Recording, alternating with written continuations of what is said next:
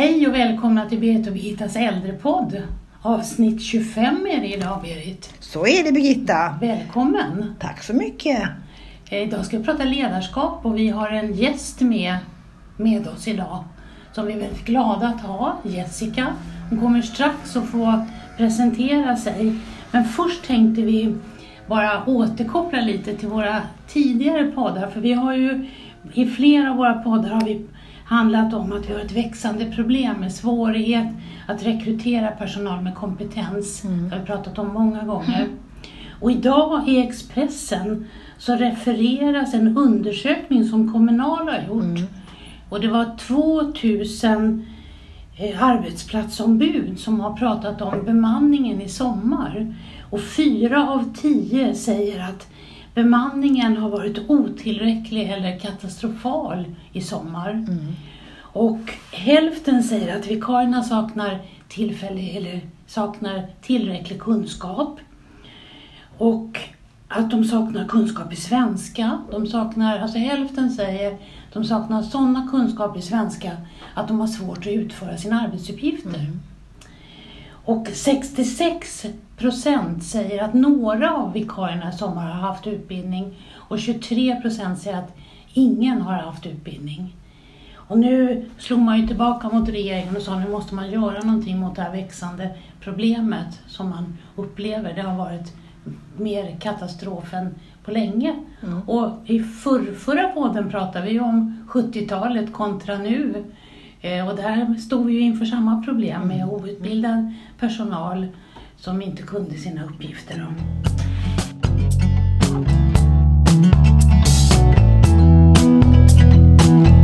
Know you've always been a friend to me. I've struggled hard, but I failed to see that you have always wanted something back.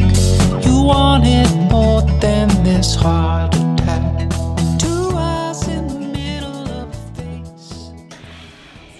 Men nu hälsar vi Jessica välkommen. Trevligt att du ville komma. Vem är du Jessica? Tack för att jag fick komma. Jag heter Jessica Skött eh, och jobbar med ledarskap. Eh, 12 år som chef har jag. Jobbar inom slutenvården på ett stort sjukhus i Stockholm. Eh, slutenvård som är lite intensivvårdsinriktad men också, vi har också hemsjukvård och mottagningar i vår regi. Min stora hjärtefråga här i livet är just bemanning inom sjukvården. Jag tycker att det är det var därför bland annat som jag valde att bli chef. Jag ville se om några av mina idéer skulle kunna, kunna göra att, att saker och ting blev bättre. Det är Mm. inte mina personliga idéer men att, det, att få jobba tillsammans med andra för att lösa bemanningsfrågan. Eh, och det var till stor del förstås inom slutenvården för det är där jag jobbar men precis som du beskriver så är det här stort problem i hela omsorgen och vården i inte bara Sverige utan i faktiskt stora delar av världen. Att bemanna våra avdelningar och vård och omsorg är svårt. Man står utan sjuksköterskor, man står utan utbildade undersköterskor, det som du beskriver med vikarier. Och det är, jag känner igen det problemet. Och det är också så att, att undersköterskeutbildningen i Sverige är inte reglerad. Det är ingen, Nej. alltså, sjuksköterskan har ju en legitimation Ja.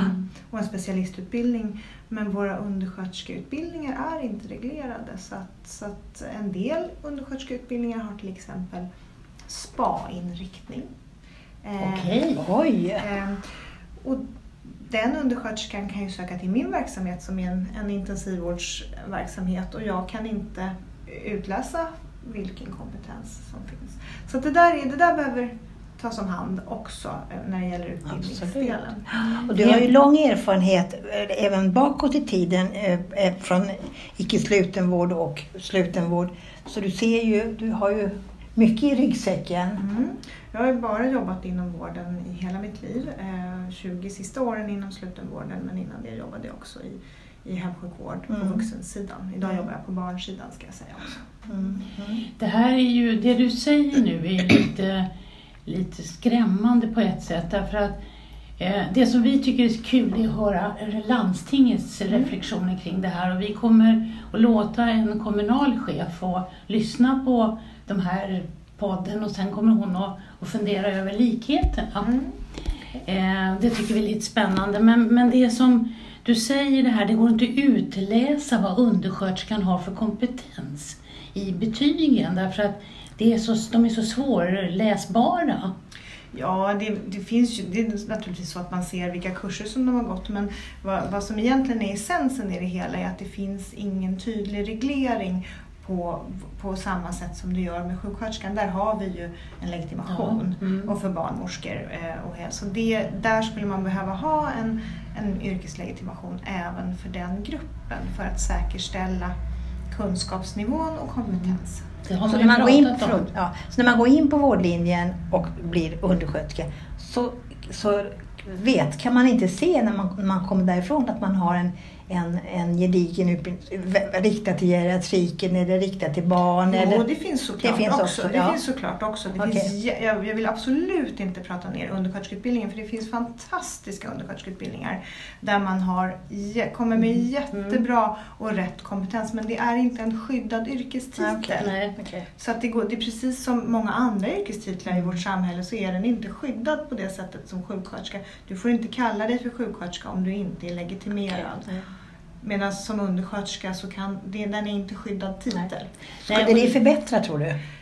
Den blir ju reglerad på ett annat sätt. Jag är inte, jag är inte så påläst i just det Nej, ämnet så att jag vågar svara på det.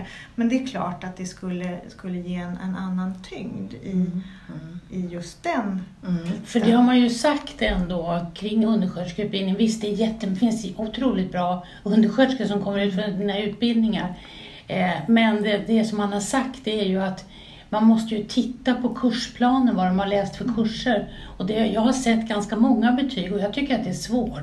För det står inte att de har en undersköterskeutbildning, utan det står vad de har gått för kurser. Och då ska jag som arbetsgivare göra bedömningen om jag kan anställa dem som undersköterska eller inte. Och den kunskapen har inte alla arbetsgivare. Nej, så Och det det. skulle en legitimation kunna komma till rätta med. Så, Precis, för då, för då styr man ju det till att kontrollen ligger hos vissa, eller en myndighet, tänker jag. mm. Mm. Men jag funderar lite över det här. Du, du har ju pratat en del om lärandemiljö. Mm. Eh, Skulle du kunna beskriva det? Jag tänker, du säger att problemen med att inte ha utbildad personal och omsättning på personal är ju likadan i landstinget som i en kommun kanske. Mm. Och vad, vad skulle en lärandemiljö kunna ge för någonting?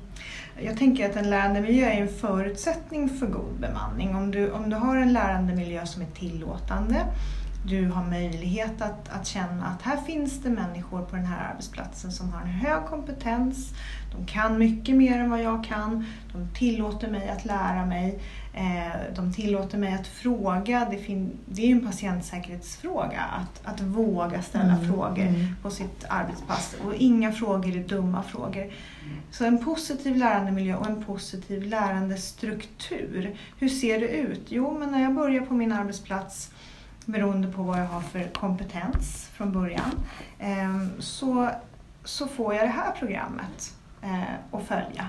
Jag går kanske in i min, i min verksamhet så går man som sjuksköterska tre månaders inskolning innan man ens får börja att, att eh, sköta sig helt och hållet själv. Oj, det är en lång tid. Mm. Det är en lång och en kostsam tid. Ja, absolut. Och det är inte på något sätt så att man är färdig efter det. Nej. Utan sen behöver man få påfyllning och man behöver stöd under ganska lång tid. Och det här innebär ju att jag behöver ha, som chef, så behöver jag ha en grupp kompetenta medarbetare som kan lära, som vill lära eh, och som har både möjligheten att tidsmässigt lägga ner tid för att lära eh, sina kollegor, sin, sina nya kollegor. Så det är ju en, en otroligt viktig eh, del för god bemanning. Mm. Du sa förut att, innan vi lite grann att ja, om eh, antalet sjuksköterskor sjönk eh, och man bytte ut det mot en annan yrkeskategori så, så blir allt vanligare både inom kommunal och inom landstinget så kom man till en viss gräns där det inte gick att, ja, där man kunde verkligen se skillnaden på kompetens och patientsäkerhet.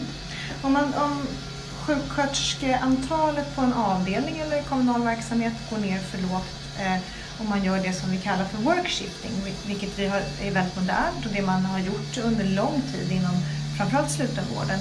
Och det handlar om att vi har inte haft möjlighet att, att eh, anställa sjuksköterskor. Det är svårt att anställa sjuksköterskor och rätt kompetens på sjuksköterskor. Så då har man gjort workshifting och, och eh, ändrat till undersköterskor. Och, och det går till, till stor del så går det det men det behöver finnas tillräckligt många sjuksköterskor för att kunna arbetsleda undersköterskorna i eh, omvårdnadsarbetet som ju faktiskt är sjuksköterskans specialuppdrag eh, och, och vår kompetens som sjuksköterskor. Eh, och det finns studier som visar att, att efter, under en viss nivå av antal sjuksköterskor så förändras och försämras patientutfallet väsentligt. Mm. Och det är ju någonstans ändå det vi behöver gå på. Patientutfallet, är ju det är därför vi är på våra arbetsplatser. Mm. För att göra gott och ha, sköta god omvårdnad. Det finns något som heter missing nursing, det vill säga att man, man eh, omvårdnadshandlingarna uteblir. Och det kan man tyda, kan man tydligt visa eh, att eh, ju färre sjuksköterskor desto, desto Mm. mer av den varan blir det. Och, eh, Mm. Då blir patientutfallet dåligt. Mm. Eh, Men du säger, pratar också om att ett minskat antal sjuksköterskor. Hur ska vi få det här yrket att bli attraktivt igen då? Det är ju många som har lämnat sjuksköterskeyrket och börjat med andra serviceyrken därför att man inte riktigt har orkat med. Men hur ska man få en arbetsmiljö och en attraktiv arbetsplats att växa då? Mm. Jag tänker att, att, eh, precis som du nämner, arbetsmiljö är otroligt viktigt. Hur, hur ser min arbetsdag ut? Har jag möjlighet att, att göra mina arbetsuppgifter? Eh, har, jag, har jag lärt mig dem tillräckligt väl? Eh, mår jag bra på min arbetsplats? Har jag en chef som finns där och ser vilka behov som arbetsplatsen har, kanske inte bara jag som individ men utan helheten och arbetsgruppen. Jag tror på ett, ett närvarande ledarskap. Jag tror på eh, arbetstidsmodeller som är eh, skräddarsydda för arbetsplatsen. Mm. Där man kan, det finns det, till exempel på den intensivvårdsavdelning som jag leder.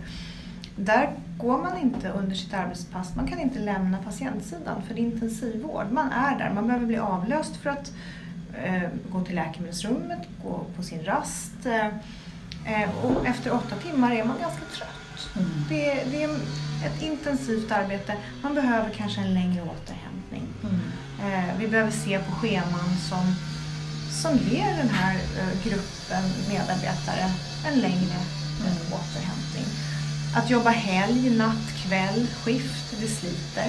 Eh, det sliter på familjelivet, det sliter på kroppen. Det, vi behöver se över hur vi, hur vi hanterar den här typen av, av eh, man kallar det för benefits. Det, det kan vara både ersättningsmodeller men också den tidsmässiga Mm. återhämtningen. Eh, Mm. Ja, för det kan inte se likadant ut på alla Nej. enheter. Vi Nej. kan inte ha en enhetlig vad heter, veckoarbetstid utan den kanske måste variera. Mm. När du, det är som du säger, jag kan, inte, jag kan inte lämna dem som jag vårdar utan jag måste bli avlöst och det är ju ganska tufft. Det är otroligt tufft. Och problemet är ju att, vi, att både landsting och kommun slåss ju mot de privata utförarna som kanske inte behöver locka med, med veckoarbetstid. Och vad gör vi med, och dessutom kanske lite bättre betalt. Vad gör vi mot det? Det är, det är ett stort bekymmer. Det är ju en, en otrolig eh, utmaning att, att man inom slutenvården med kanske lite sämre arbetstider och, och relativt styrd över, under hela sitt arbetspass också har en lägre, lägre ersättning. I grundersättning, vi har ju modeller för, för obekväm arbetstid som naturligtvis ger extra pengar men att man, har, man behö, skulle behöva ha en högre grundersättning till den här gruppen. Slutenvården och intensivvården behöver vara attraktiv ur andra perspektiv eftersom den är relativt slitsam. Sen tänker jag, du, säger, du sa så här förut att det var tre månaders inskolning till den här enheten. Eh, och när man har gått tre månaders inskolning då man ju, börjar man ju bli lite attraktiv också och, och kan lockas av andra arbetsgivare. För då har man ju fått en, en gedigen introduktion som, ehm, som är attraktiv för andra också. Mm. Men du sa så här, Eh, Man behöver ha ett nära ledarskap. Mm. Vad betyder det? Ett närvarande ledarskap handlar om, om eh, en chef som kanske inte bara finns fysiskt på plats utan ser, hör, lyssnar, tar till sig och också vågar och orkar driva frågorna vidare i organisationen. I, våra stora sjukhus har ju, har ju långa vägar upp till, till den högsta makten och till syvende och sist till politiken. Det behöver vara transparens, det får inte stanna där på golvet hos medarbetarna utan det behöver vara hela vägen upp. Eh, och det, första linjeschefen och andra linjeschefen har ett stort ansvar i det här, att se personalen. Jag hörde, var på en föreläsning förra veckan och eh, föreläsaren ville byta ordet medarbetare till medansvarig. Ja. Mm. Och det, bra. skulle vara otroligt Det bra. Det bra, bra. tycker Mm. jag. För, och, det, och det är inte bara ett ansvar som i tyngden är ansvar utan också i möjligheten att vara medansvarig eh, för det jag gör och patientutfallet. Mm. Det är mycket mer positivt. Mm. Det är positivt för den, den enskilde också att faktiskt vara medansvarig för att man upplever en god vård och omsorg och får en patientsäker vård och omsorg. Mm. Det är, ja.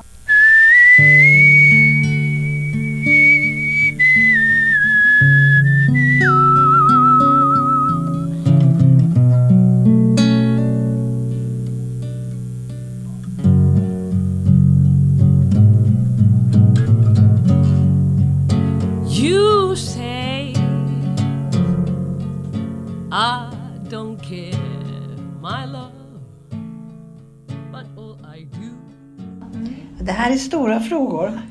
Lite skämtsamt kan man ju säga så att en bra chef är som en bh. Den ska pusha och lyfta och hålla ihop. Mm. Om man nu vill avsluta lite skämtsamt. För det här är ju stora svåra frågor. Och vi börjar närma oss eh, slutet. Birgitta, eller hur? ja, jag tänkte att vi kanske kunde rulla lite över idag. Okej, då gör vi det. Eh, Så tar vi lite, liten längre podd idag Okej. då. Eftersom vi har en gäst som är Har mycket att, komma mycket med. att komma Ja, med. precis. Mm. Eh, men du pratade också om det här eh, Du pratade om arbetstider för återhämtning. Mm. Eh, och det är ju också någonting som är, har varit uppe till diskussion. Mm. Jag vet ju att man på en del ställen har mist nattpersonal till exempel därför att man har förkortat nätterna med en timme. Mm. Och då har man ju fått göra fler nätter på sin månad. Mm. Och det har man ju inte gillat för den där timmen som man förkortar den ger en ingenting men det ger en natt extra.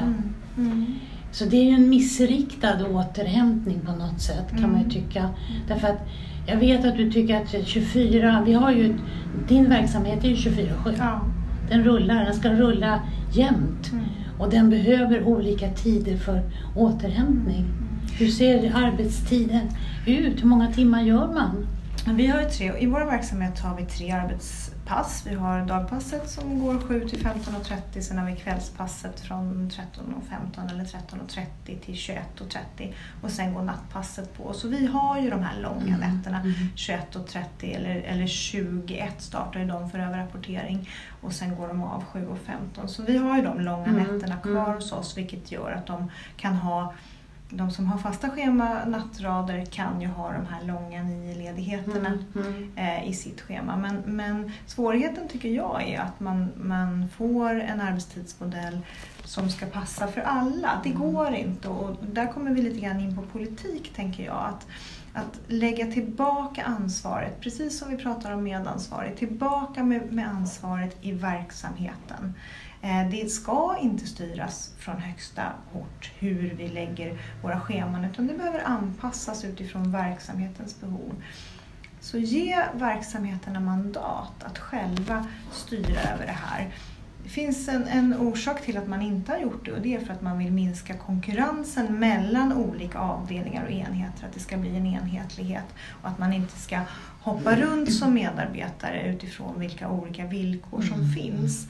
Och, så att det är en god tanke med att man vill göra eh, en modell. Men det blir verkligen eh, one size fits no one eh, i det, tänker jag. Ja, men det blir också en olika kostnader om man bestämmer sig för att min enhet ska ha kortare arbetspass då, så måste jag ju ha mer pengar. Ja, eh, och jag kanske har ett annat, i min verksamhet kanske jag har ett behov av att ha, ha mer återhämtning istället för kortare arbetspass. Mm. Och då behöver jag tillsammans med mina medansvariga styra hur det Mm. ska se ut. Eh, Och det tycker jag inte ska styras ifrån politiken eller högre plats utan det ska styras ifrån så nära verksamheten som möjligt. Och det tror jag är en, en inte bara när det gäller scheman utan att saker och ting som ska göras styrs så nära verksamheten som möjligt. Det tror jag är en, en nyckel till god bemanning. Ja, och om, du, om man är medansvarig, om jag ska betrakta mig som medansvarig, då måste jag ju också känna att jag har mandat. Och då måste ju makten flyttas ner till de som är närmast den som man vårdar. Mm.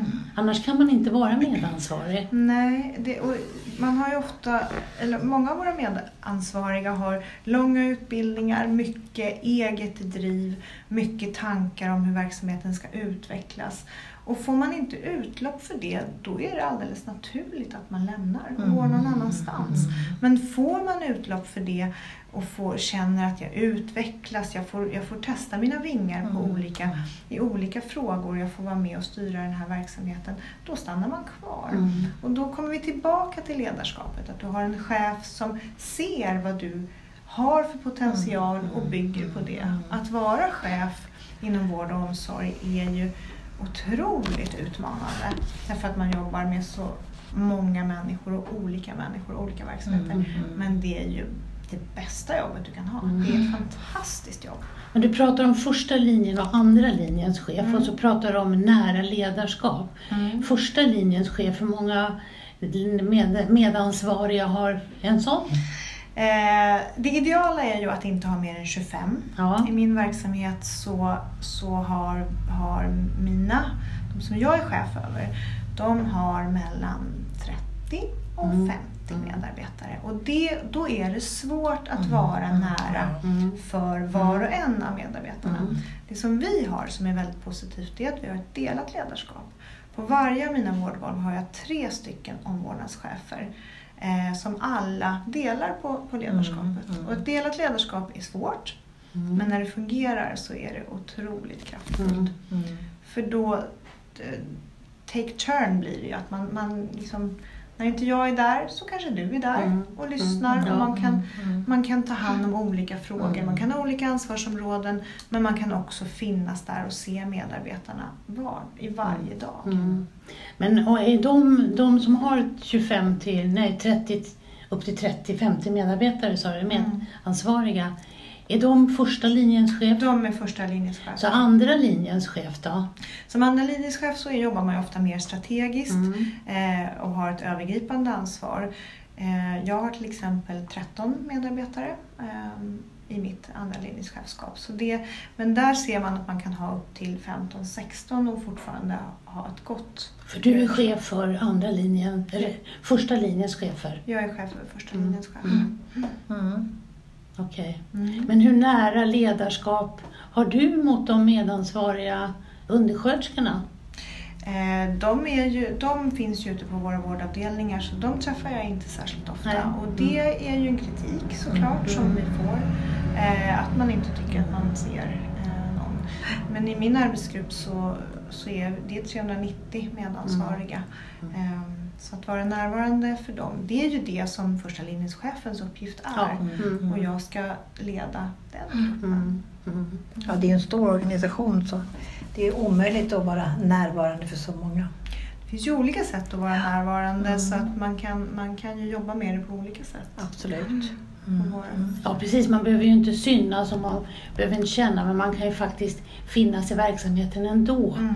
Det finns ju mejl och det Man kan vara finns, synlig på alla ja, sätt, det finns ja. många, Mm. många olika vägar idag Mm. att vara synlig. Mm. Veckobrev eller vad man nu eller hittar på för någonting. Mm. Ja, har vi, har vi kommit fram dit vi ville, Berit? Jag tror det och det finns ju mycket mer och Jessica har som sagt fått stor erfarenhet och det finns mycket mer vi skulle kunna fråga men, men tiden går fort och det är svårt och, och, och det är ju ett jätteämne och det här har vi pratat om i flera poddar men, men eh, tydligt är ju att ledarskap är ju det viktigaste. En god ledare är ju det viktigaste oavsett vilken verksamhet man, man driver så är det jätteviktigt. Så att jag tycker, Men, men som avslutande fråga Jessica, en ledare då? Vad, hur, vad behöver den matas för att bli den goda ledaren? Det är ett stort ansvar som ligger där på ledaren. Eh, För att kunna bedriva gott ledarskap så behöver man ha en enorm självinsikt. Eh, Man behöver veta hur man uppfattas, man behöver veta eh, hur man leder sig själv för att orka, hur man gränsar eh, och hur man helt enkelt lever. Det är, man behöver ta hand om sig själv för att orka finnas för andra. Så det är väl det stödet man behöver, att komma till en, en djup självinsikt och att man förstår att man behöver sätta sig vid ratten. Det är jag som ska styra den här skutan och jag behöver vilja det. Och våga. Vilja och våga. Eh, och det stödet kan man ibland behöva, att komma till egna insikter. Det, eh, och det tror jag att vi har i våra organisationer. Det är vi ganska bra på. Att ge ledare rätt eh, eller rätt, det kan jag inte säga, det vet jag inte, men, men goda, i alla fall så finns det möjligheter att jobba med sig själv. För det är det man behöver göra. Och i, ibland kanske sätta sig ner och fundera, göra ett litet bokslut. Är det det här jag vill? Vill jag fortsätta att leda? Jag tycker nästan att man ska göra det en gång om året. Sätta sig ner och tänka, vill jag det här? Och varför vill jag det här? Och sätta en tydlig målbild, vad är det som driver mig? Eh, för det är så att, att, att, ha en, att, han, att ha ett jobb eller vara anställd, det är, det är ingen rättighet. Det är Nej. ingen skyldighet, men det är en möjlighet. och hur länge orkar man vara en god ledare? Mm. Det är också något viktigt att tänka på. Mm. Det är en annan fråga, tänker jag, men Mm. absolut. Absolut. Ja, tack Jessica. Tack för att du kom. Väldigt trevligt att prata med dig. Och tack för idag Berit. Tack själv Birgitta.